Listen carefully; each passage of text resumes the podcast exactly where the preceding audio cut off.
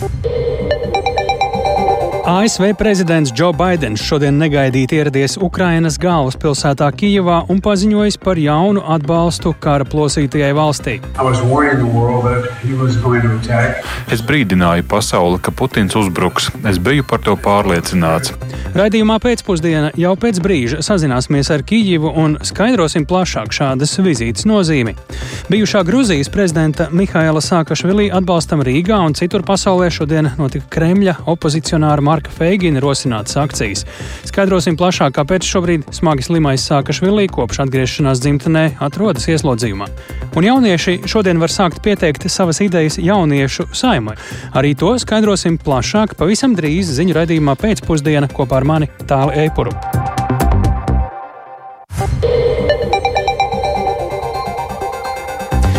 Ir 16,5 minūtes, skan pēcpusdienas ziņu programma, skaidrojot šodien svarīgos notikumus. Studijā tālāk Eipurs.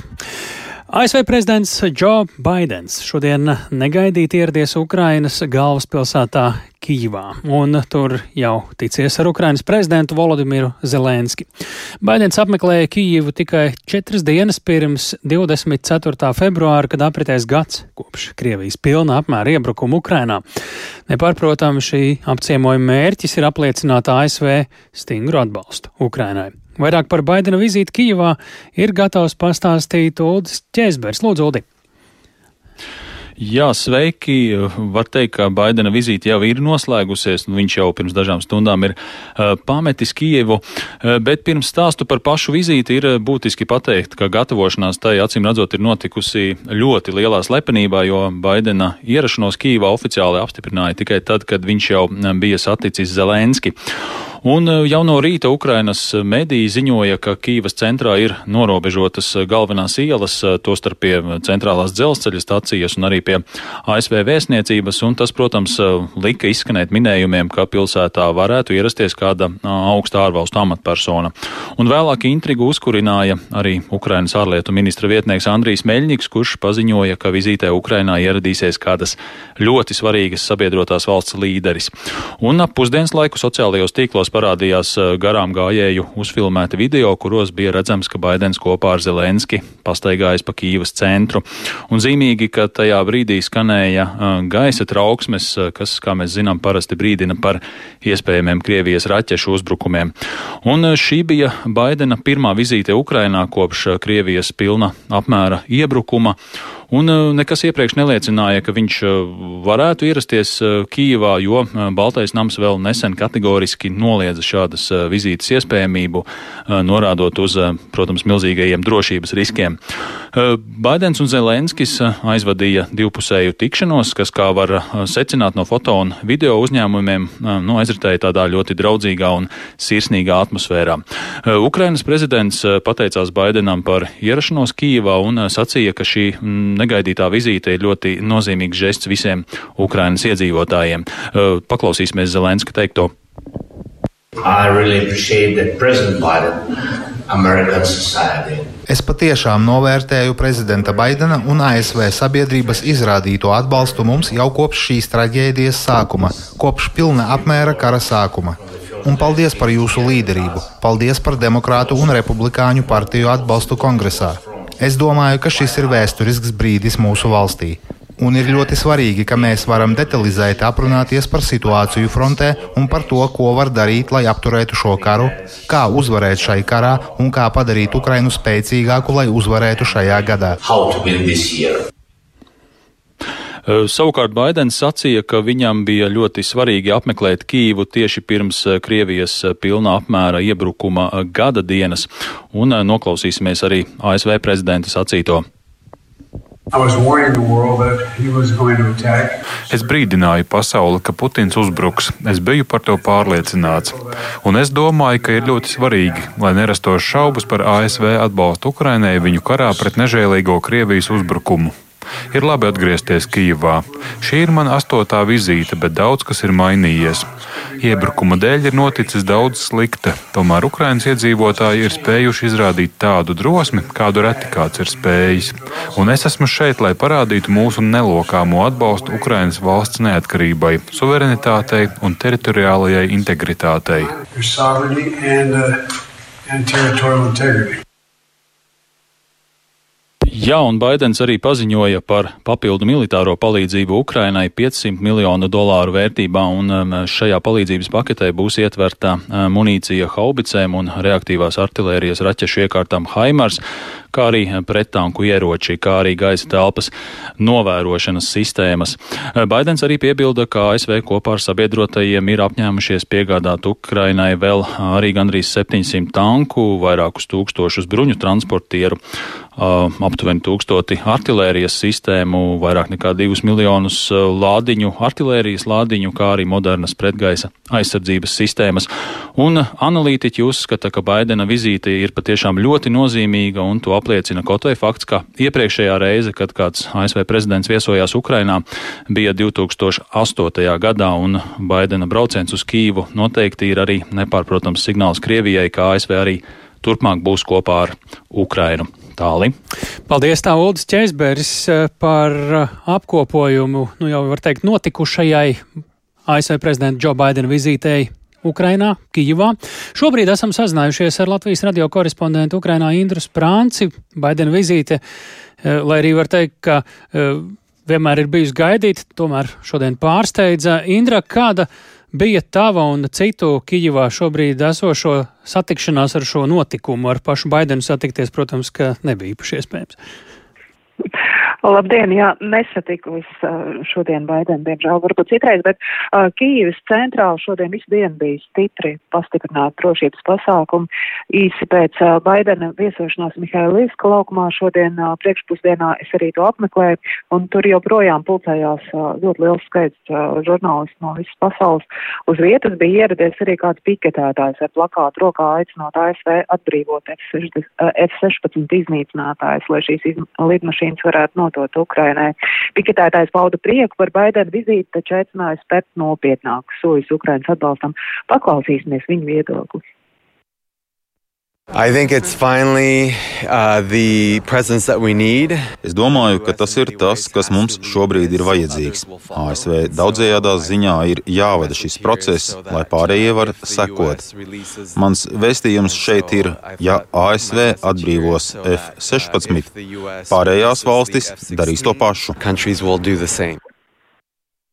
Nu jā, un uh, prieku par ASV prezidenta vizīti Kīvā šodien pauda visi manis uzrunātie Kīvas iedzīvotāji.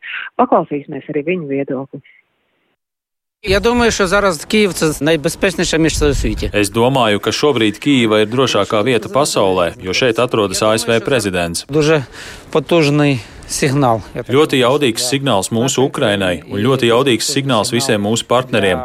Gaidīsim, kādi būs viņa paziņojumi. Es domāju, ka tas ir ļoti forši, ka bija tāda iespējamība, ka viņš varēja atbraukt. Tas ir ļoti svarīgs notikums mūsu Ukrainai, un es ceru, ka tas atnesīs ko ļoti labu mūsu Ukrainai. Очень приятно, очень. Ļoti patīkami, ļoti. Ejam uz uzvaru. Ukraina to ir pelnījusi, lai pasaules līderi brauktu pie mums. Es domāju, ka tas mums palīdzēs. Mēs uz to ceram. Це надзвичайна подія сьогодні українській. Tas ir ļoti svarīgs notikums Ukraiņas valstī. Tik sarežģītos apstākļos pirms gada dienas kopš Krievijas iebrukuma Ukrainā prezidents Džo Baidens ir atbraucis uz Ukrainu. Tas apliecina to, ka ASV ir uzņēmusi kursu Ukraiņas atbalstam. Šādā veidā viņi stiprina savu iepriekš deklarēto, ka Ukraina uzvarēs šajā karā. Jā, un uh, Baidena vizīte šeit uh, Kīvā notiek arī ļoti simboliskā dienā. Uh, pirms deviņiem gadiem, 20. februārī, bruņotās sadursmēs Maidena laukumā vienā dienā vien tika nogalināti vairāki desmit cilvēku, un šodien arī šeit Mihailovskā laukumā kur atrodas arī piemiņas siena šajā, kā viņi devē, pašcieņas revolūcijā bojā gājušiem iedzīvotājiem, ierodas arī cilvēku, lai noliktu svecītes par tiem, kas atdeva savas dzīvības par pārmaiņām Ukrainā, un arī Baidena, Baidena komanda, Baidens pats bija pie šīs sienas, un kā redzams no fotogrāfijām, arī tātad pieminēja šos te notikumus. Paldies uh, Indrai Sprāncei, uh, mūsu korespondentei Ukrainā uh, no Kijivas šobrīd ziņojot par Džo Baidena vizīti. Ukrainā vizīti, kur tur tika arī ļoti gaidīta, bet, protams, tieši šodienas notikums tas bija kā pārsteigums. Vidzemes augstskolas prorektors ģeopolitikas pētījuma centra direktors Māris Anģāns pie Latvijas radio raidījuma pēcpusdienu klausulas. Labdien! Labdien. Baidens Kijivā ir paziņojis par jaunu atbalstu Ukrainai. Nu, tā ir lieta, ko varēja izdarīt arī no Vašingtonas vai Varšavas, eh, kur viņš tagad dodas tālāk. Bet cik svarīgi un kāpēc svarīgi un kam svarīgi ir tas, ka ASV prezidents ierodas klātienē Kijivā?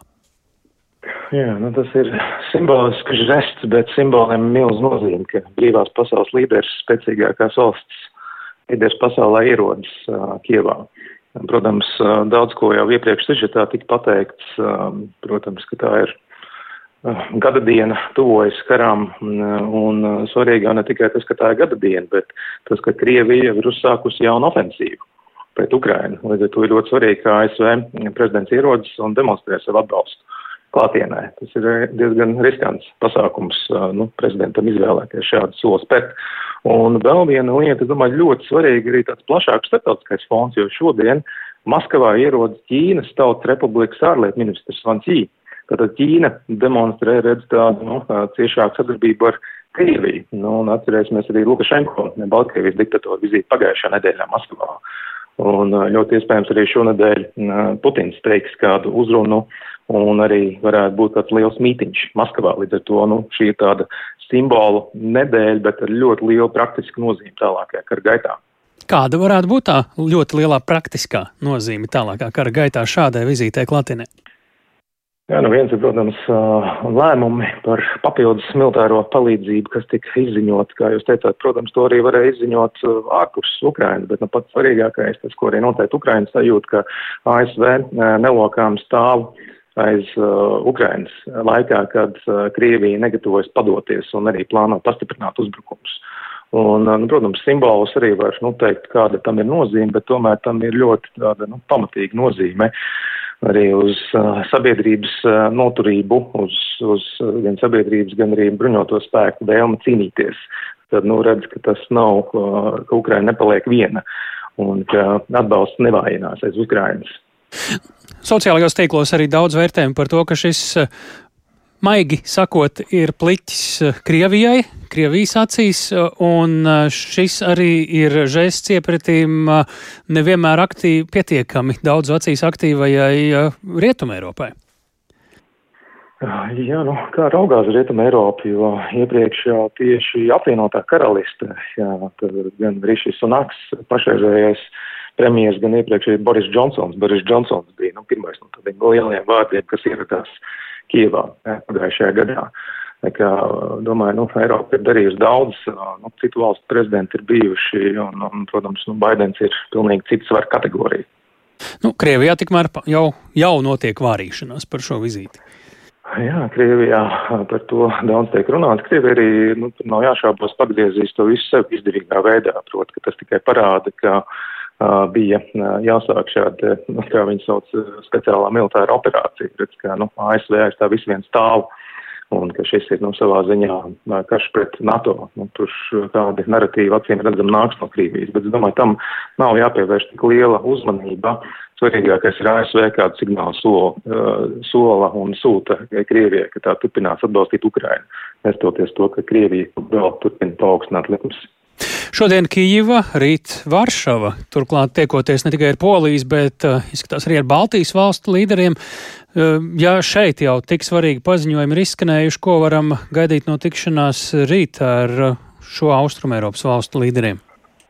Jā, Varšava vispār pēdējā laikā kļūst par aizvien svarīgāku um, politisko centru uh, Eiropā, tāpēc tas arī diezgan ir svarīgi simboliski, ka ASV prezidents ierodas Varšavā. Un šeit, protams, gribētos sagaidīt arī no ASV tālāk atbalstu Baltijas valstu aizsardzībai. Tad uh, vēl pastāvīgāku ASV bruņoto spēku klātbūtni Baltijā.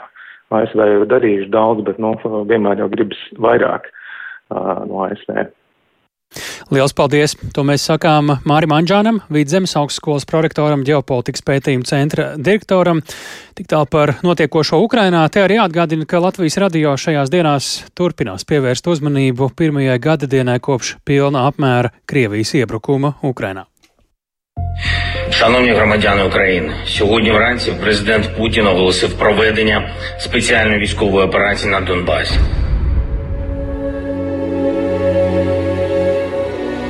24. februāris. Gads kopš kara Ukrainā. Arī Latvijā svarīga ar Ukrainu saistīta vizīte Rīgā šodien uzturas Ukrainas parlamenta priekšsarētāja vietniece Olēna Kondratjuka. Viņa šodien Rīgā atgādināja, cik būtiski ir Latvijas atbalstošā balss Ukrainas virzībā uz Eiropas Savienību un NATO, un arī Latvijas loma kā kara noziedznieka, Krievijas kā kara noziedznieka norobežošanai no starptautiskajām organizācijām. Vizīti Kondratjuku sāka tiekoties ar saimnes priekšsarētāju Edvardu Smiltēnu, vairāk Jāņa Kīņša sagatavotajā ierakstā. Brīžiem pat, kā mēs runājam, kuriozi sanāk, kad Latvijas parlaments ir trīs nedēļas priekšā pašam Ukraiņas parlamentam atsevišķos lēmumus bet tā mēs demonstrējam savu līderību šajā jautājumā. Gan praktiski, gan ar skaidru viedokli Latvija ir bijusi un būs Ukrainas sabiedrotais. Tā saimnes priekšsēdētājs Edvards Smiltāns no apvienotā saraksta izteicās, tiekoties ar Ukrainas parlamenta vai augstākās radas priekšsēdētāja vietnieci Olenu Kondratjuku. Nedēļā, kad aprit gads kopš Krievijas iebrukuma Ukrainā, Kondratjuka Latvijai pauž lielu pateicību par līderības lomu atbalstā Ukrainai.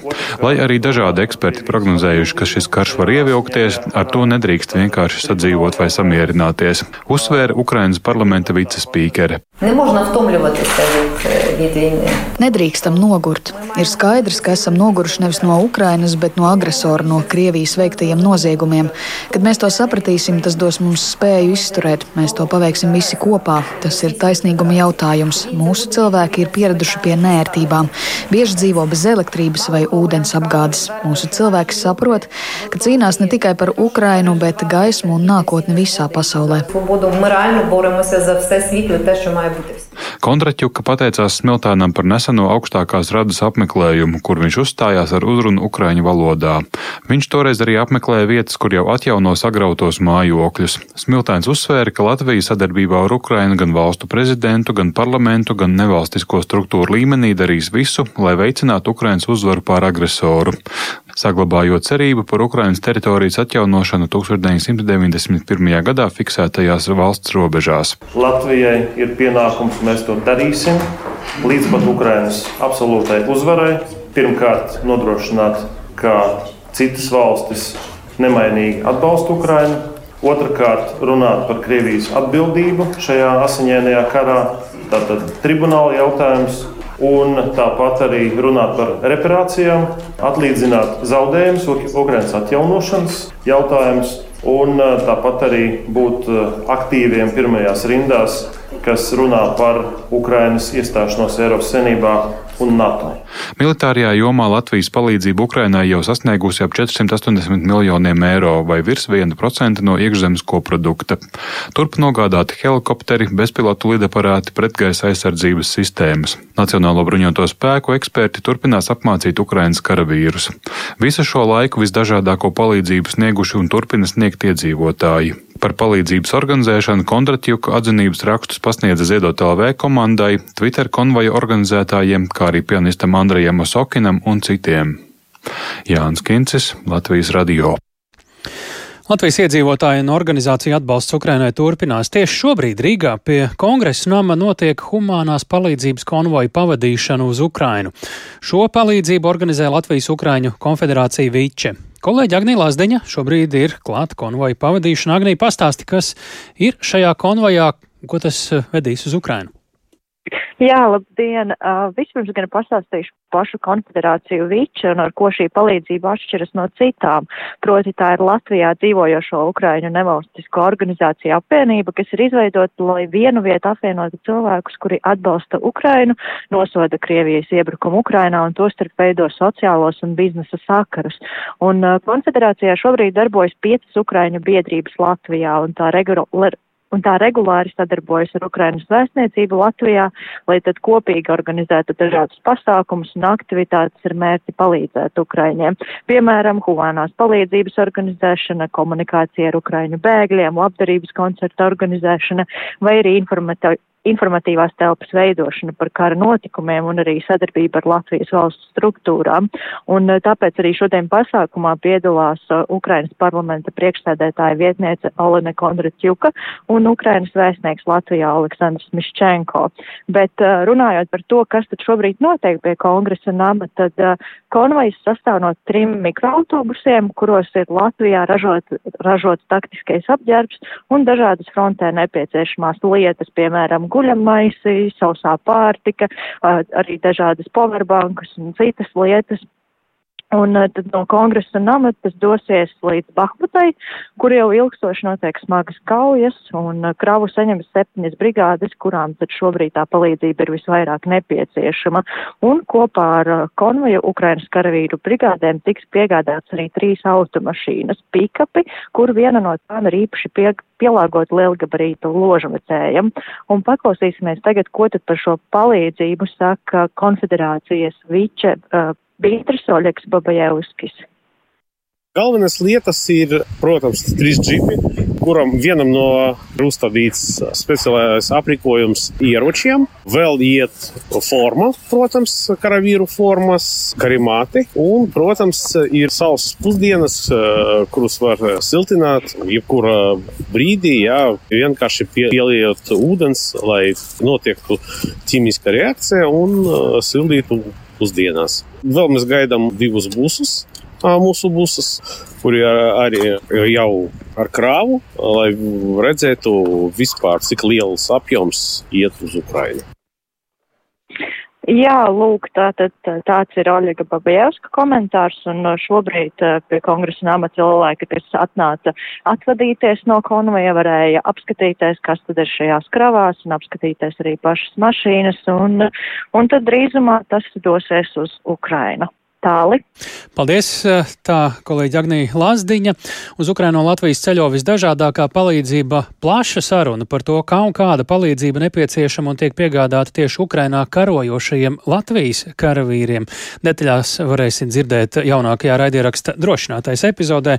To straumētavās vai Latvijas radio mobilajā lietotnē gaidiet jau šo ceturtdienu. Bet bijušā Gruzijas prezidenta Mihaila Sakašvili atbalstam Rīgā un citās Eiropas un pasaules pilsētās šodien notiek Kremļa opozicionāra Marka Feigina rosināta akcija. Rīgā klusā akcijā bija pulcējušies ap 30 cilvēku, rokās turot uzrakstus Save Miša un Free Miša, aicinot glābt un atbrīvot šobrīd Gruzijā ieslodzīto politiķi. Bet kas tad īsti ir tas, kāpēc šobrīd smagi slimais Sākašvilī kopš viņa atgriešanās dzimtenē 21. gadā atrodas ieslodzījumā un kāpēc tiek aicināts viņu atbalstīt? To skaidro Uģis Lībietis. Jā, sveicināti tālāk, sveiki klausītāji. Kā jau tu minēji, tad bijušais Gruzijas prezidents Sakašvili ieslodzījumā Gruzijā atrodas kopš 2021. gada. Toreiz viņš pēc septiņiem trimdā pavadītiem gadiem atgriezās dzimtenē un tika notiesāts par varas ļaunprātīgu izmantošanu savas valdīšanas laikā. Taču pats eksprezidents šo spriedumu uzskata par politisku motivētu un jau kādu laiku Sakašvili savu iespēju robežās ceļ trauksmi par to, kā pret viņu attiecas ieslodzījumā, un uh, Starptautiskā ārsta komisija ir atradusi arsēnu un dzīvesudraba paliekas viņa asinīs, liekot pieļaut, ka Sākašvili varētu tikt indēts. Uh, bijušais uh, prezidents ir pieprasījis nodrošināt viņam medicīnisku aprūpi vai no Eiropā, vai no Savienotajās valstīs, un šie aicinājumi ir guvuši plašu rezonanci, un, un tos aicinājumus ir atbalstījis arī Ukrainas prezidents Valdimirs Zelenskis, Moldovas prezidents Māja Sandu, dažādas cilvēktiesības tiesību aizstāvji patstāvības organizācijas. Un arī Eiropas parlaments ar pārliecinošu balsu vairākumu ir pieņēmis rezolūciju, kurā norāda, ka attieksme pret bijušo prezidentu var iedragāt Gruzijas centienus nākotnē pievienoties Eiropas Savienībai, jo tiek nodarīts pamatīgs kaitējums valsts reputācijai. Atgādināšu, ka pagājušajā gadā, kad Gruzija kopā ar Moldovu un Ukrainu iesniedz pieteikums dalībai Eiropas Savienībā, tad Gruzija kandidātu valsts statusu nesaņēma, jo tostarp tika norādīts uz nepieciešamību īstenot dažādas reformas, arī tieslietu sistēmas reformu. Un, lai arī Gruzijā vairākums iedzīvotāji tomēr atbalsta virzību pretī dalībai Eiropas Savienībā, pie varas esošā partija Gruzijas sapnis līdz šim nav ieviesusi dzīvē nevienu no 12 Eiropas Savienības prasītajām reformām. Nu, vēl jau vairāk tā tiek arī apsūdzēta simpatizēšanā Krievijai. Un, starp citu, Sakašvili ir apgalvojis, ka tieši Vladimirs Putins esot devis rīkojumu viņu cietumā nogalināt. Februāra sākumā Gruzijas tiesa noraidīja Sakašvili aicinājumu viņu atbrīvot veselības apsvērumu dēļ, un Juristi un ģimenes locekļi šo spriedumu jau pielīdzināja nāves spriedumam, solot to arī pārsūdzēt Eiropas cilvēktiesību tiesā. Savukārt bijušā prezidenta dibinātās Nacionālās vienotības kustības deputāti paziņoja, ka protestējot pret tiesas spriedumu apturēs savu darbību parlamentā. Nu, tas arī īsumā viss, kāpēc šodien daudzās pilsētās notiek atbalsts pieprasot Mihaila Sākašvili atbrīvošanu. Paldies, tā kolēģis Uģis Lībietis. Bet kas notiek ar bīstamo dzīvojamo ēku Valdemāra ielā un ko šāds gadījums liecina par kopējo situāciju valstī? Savukārt jaunieši šodien var sākt pieteikties savas, pieteikt savas idejas jauniešu saimai un šoreiz par kādu no četriem tematiem. Šie divi stāsti turpinājumā raidījumā pēcpusdienā.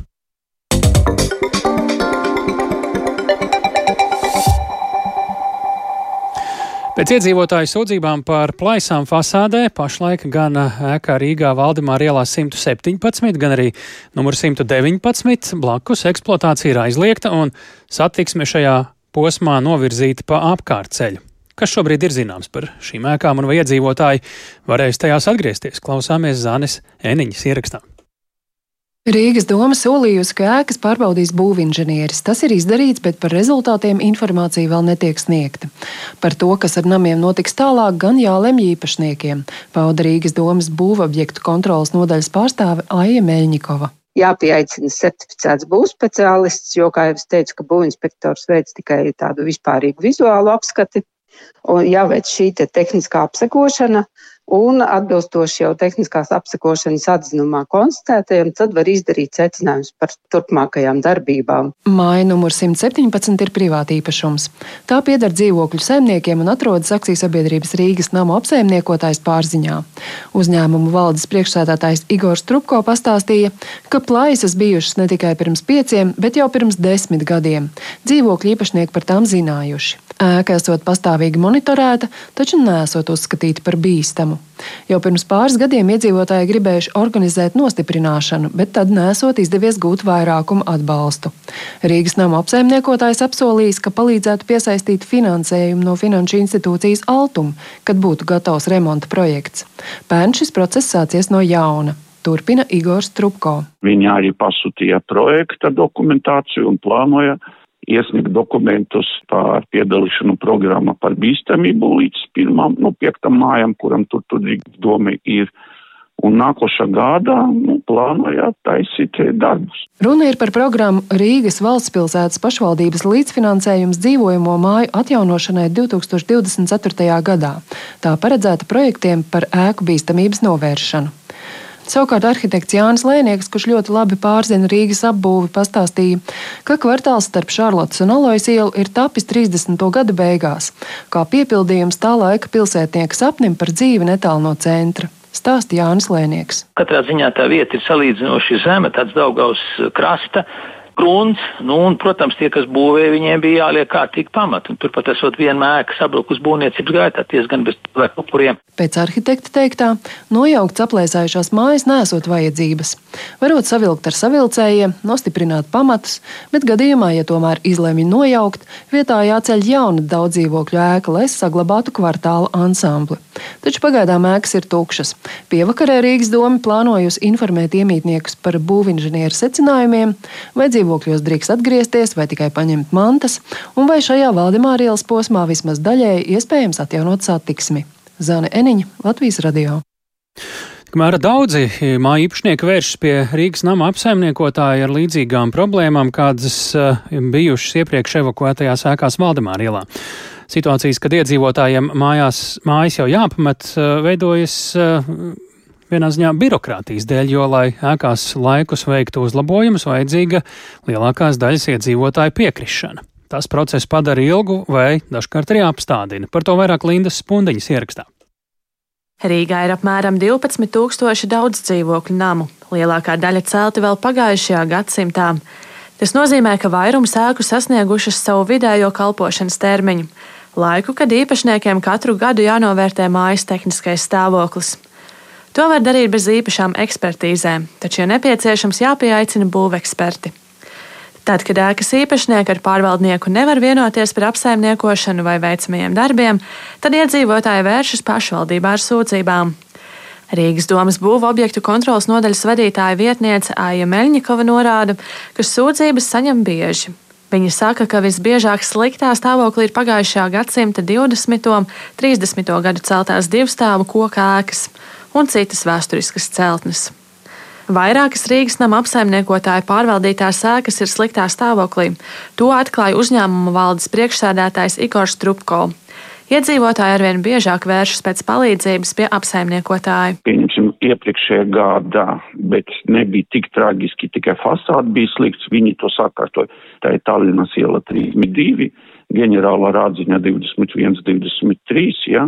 Tur mēs kārtējam, mums renovācijas ietvaros iet Kraslavas iela 21, arī uzsakot darbus, paradies bīstamība. Mums ir Maskava 137, jā, tad tur pavisam ir šausmīga situācija, jā, bet iedzīvotāji pat nobalsoja, ka viņi maksās kredītu 5 eiro no kvadrātmetra, lai atjaunot māju. Tieši iedzīvotāju aktivitāte ir noteicošā, lai izvairītos no situācijām, kad mājās ir bīstam uzturēties.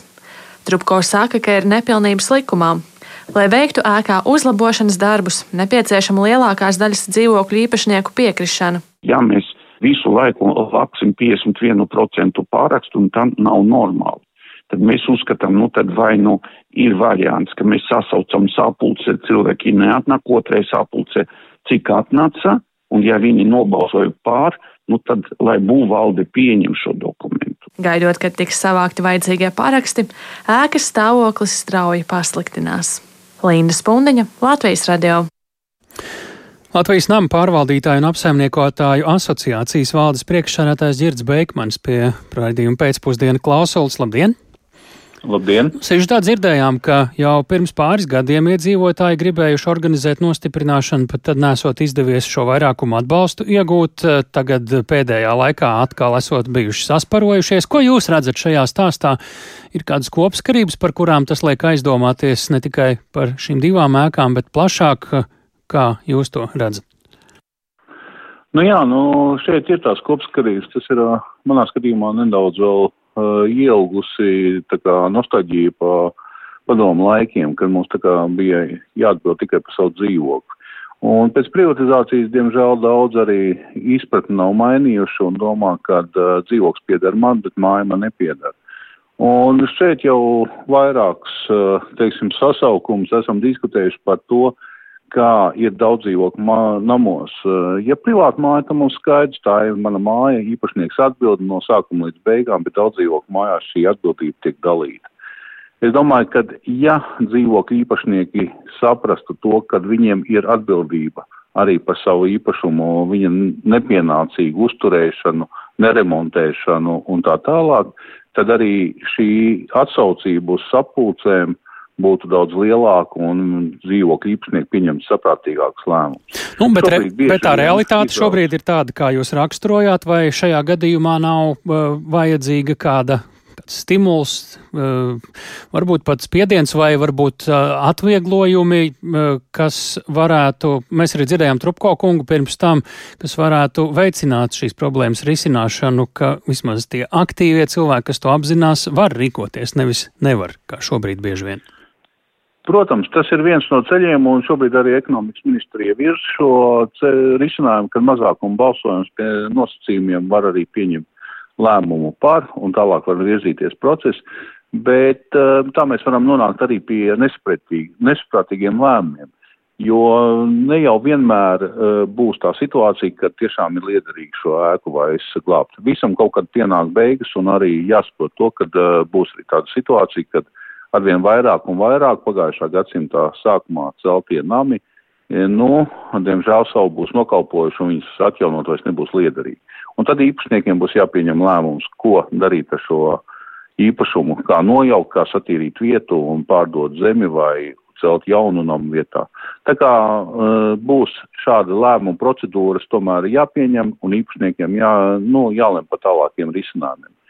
Tie varētu būt ļoti sāpīgi nu, lēmumi. Bieži vien jā. te nav kaut kāds pamats šobrīd ļoti aktīvi jāliek, jo tā situācija, nu, kaut vai ar to pašu Valdemārijas piemēru mums parāda to problēmas, nu, jāsaka, tā ļoti lielo pat smagumu. Jā, tie lēmumi ir smagi, un viņi nav tikai Rīgā, viņi arī parādās citās pilsētās, kad ir nami, kuri ir privatizējuši dzīvokļus, kur, kur daudziem īpašniekiem pieder viens nams, bet šis nama kalpošanas laiks strauji tuvojas beigām. Un šādi lēmumi būs, risinājumi īpašniekiem būs jāpieņem, un par to būtu jādomā jau laicīgi, kādā veidā tas tiek risināts jo šobrīd vairāk tā kā tiek meklēti varianti, kā renovēt, kā atjaunot, kā salabot, bet nevienmēr vairs tas ir tas labākais risinājums. Labi, šoreiz šī situācija tiešām nav tā, kur tas nams būtu jānojaut. Es arī gribu cerēt, ka tur tiešām ir iespējams nostiprināt, sakārtot, saremontēt un to māju varēs vēl eksploatēt. Bet uh, jāsaprot, ka arī tādas situācijas būs, kur nu, nav liederīgi vairs remontēt, ka tiešām viņš ir jāatbrīvo, jo viņš palicis uh, apdzīvošanai bīstams jau. Tā kāds valsts atbalsts nav nepieciešams, vai tas jā, tam jāpaliek pilnīgi privātai, privātam stāstam, kaut vai šo jaukšanu nost? Es domāju, ka valsts atbalsts uh, un pašvaldību atbalsts ir par to, ko mēs gribam turpināt eksploatēt, par to, kur ir energoefektivitāte, tur, kur ir uh, vecpilsēta, kultūras vēsturiskais mantojums. Par to viennozīmīgi ir jābūt valsts un pašvaldību atbalstiem. Bet uh, tur, kur ir parasts privāts īpašums, kurš vienkārši nepiedara vienam, bet vairākiem, nu, tur īpašniekiem varbūt ir jābūt kaut kādai kārtībai, uh, varbūt normatīvos Jā. regulējumos, kā viņiem vieglāk sadalīt šo atbildību no, un plānus. Un, un, Nu, jā. Paldies par sarunu. Girts Beigmanis, Latvijas nama pārvaldītāja un apsaimniekotāja asociācijas valdes priekšsādātājs, un eh, vēl mums vien īsa saruna priekšā saima aicina Latvijas jauniešus kandidēt desmitās eh, jauniešu saimas vēlēšanās. Projekts Jauniešu saima notiks jau desmito reizi, un šogad vadmotīvs tam ir Latvija izvēlas demokrātiju, un jaunieši ir rosināti iesniegt savas idejas par kādu no četriem tematiem. Par jauniešu saimu mums īsā sarunā pievienojas saimas preses dienas pārstāvi Ilga Lēmane. Labdien! Labdien! Kāds ir mērķis šim projektam īsumā? Uh, šis mērķis ir, šim projektam mērķis ir iespēja iesaistīt jauniešus, aizstāvēt savas idejas, kā arī tuvāk iepazīt uh, pa, tieši parlamenta deputātu darbu. Uh, šajā projektā jaunieši piesaka savas idejas, uh, rīko kampaņas, gluži kā īstās saimnes vēlēšanās, un vāc balsis ideju atbalstam, un pēc tam viņi var iepazīt, kā darbojas likumdevējs caur pašu savu pieredzi. Kā tā iepazīšana notiek? Uh, viņi uh, simts uh, ja, ievēlētie jaunieši pēc tam, kad ir noslēgusies vēlēšana posms, viņi spulcējās saimnes namā un viņi šeit klātienē var piedalīties komisiju darbā un pēc tam uzrunāt savus vienādus arī no saimnes nama tribīnas. Un kas tad notiek ar tām idejām, kuras jaunieši tagad uh, varēs uh, prezentēt un um, aicināt par tām balsot pēc tam, kad uh, tās ir sabalsotas un šie jaunieši ir tikuši līdz tai saimē. Kas ar pašām idejām notiek? Uh, pašas idejas uh, tiek nodots arī atbildīgajām komisijām. Šogad jaunieši ievēlētie varēs strādāt kādā no šīm četrām komisijām - aizsardzības, iekšlietu un korupcijas novēršanas komisijā, ārlietu komisijā, Eiropas lietu komisijā vai arī izglītības, kultūras un zinātnes komisijā, un tad deputātiem šīs idejas tiek nodotas, un viņi ar tām iepazīstās, un uh, viņi var arī tālāk viņas izvērtēt un iespējams kaut kādā veidā arī īstenot. Tad tur nav pienākuma deputātiem, bet ja ideja ir pietiekami laba, tad. Jā. tieši tā pienākuma nav, taču deputātiem šās idejas tiek no, no, nodotas, un tad arī viņi ar tam var iepazīties un iespējams arī īstenot. Izstāstiet, kur un kas var iepazīties ar visu šo pavisam īsi. Tā ir saimnes mājaslapa, tur ir nolikums, uz kuriem jauniešiem tas attiecas. Tas attiecās uz jauniešiem vecumā no 15 līdz 20 gadiem. Un tātad no šodienas uh, virtuālajā vēlēšanu vietnē, uh, ko sauc arī par vēlēšanu platformu, viss viena vieta www.jauniešu saima.lv, uh, va, jaunieši var sākt iesniegt savas idejas. Hmm. Un tad katram uh, jaunietim ir jākandidē atsevišķi, un kā vēlēšana programma jāpiedāvā kāda savu svarīgu ideju. Un par tēmām demokrātija, brīvība, neatkarība vai izglītība šoreiz. Paldies par sarunu. Jā. Jā. Paldies, eh, Saimas preses dienas pārstāvi Ilga Lēmane. Šeit Latvijas radio viens stāstot par to, ka šodien jaunieši var sākt kandidēt uz desmitās Saimas jauniešu vēlēšanās. Bet eh, tikko saņēmām arī ziņu, ka Krišāņa Valdemāra ielā plaisājošo namu iedzīvotājiem tiks atļauts no saviem mājokļiem paņemt nepieciešamākās mantas, bet gar namiem no otrdienas plānots atsākt kursēt sabiedriskajam transportam. Šis bija raidījums pēcpusdiena, to veidoja tāls Eipurs, Ilze Agīnta, Ulds Grīmbergs un Rita Karnačs. Šīs dienas centrālais notikums uh, mūsu reģionā pavisam noteikti ir uh, ASV prezidenta Džo Baidena pārsteidzošā vizīte Kijivā. Mēs tiekamies jau rīt.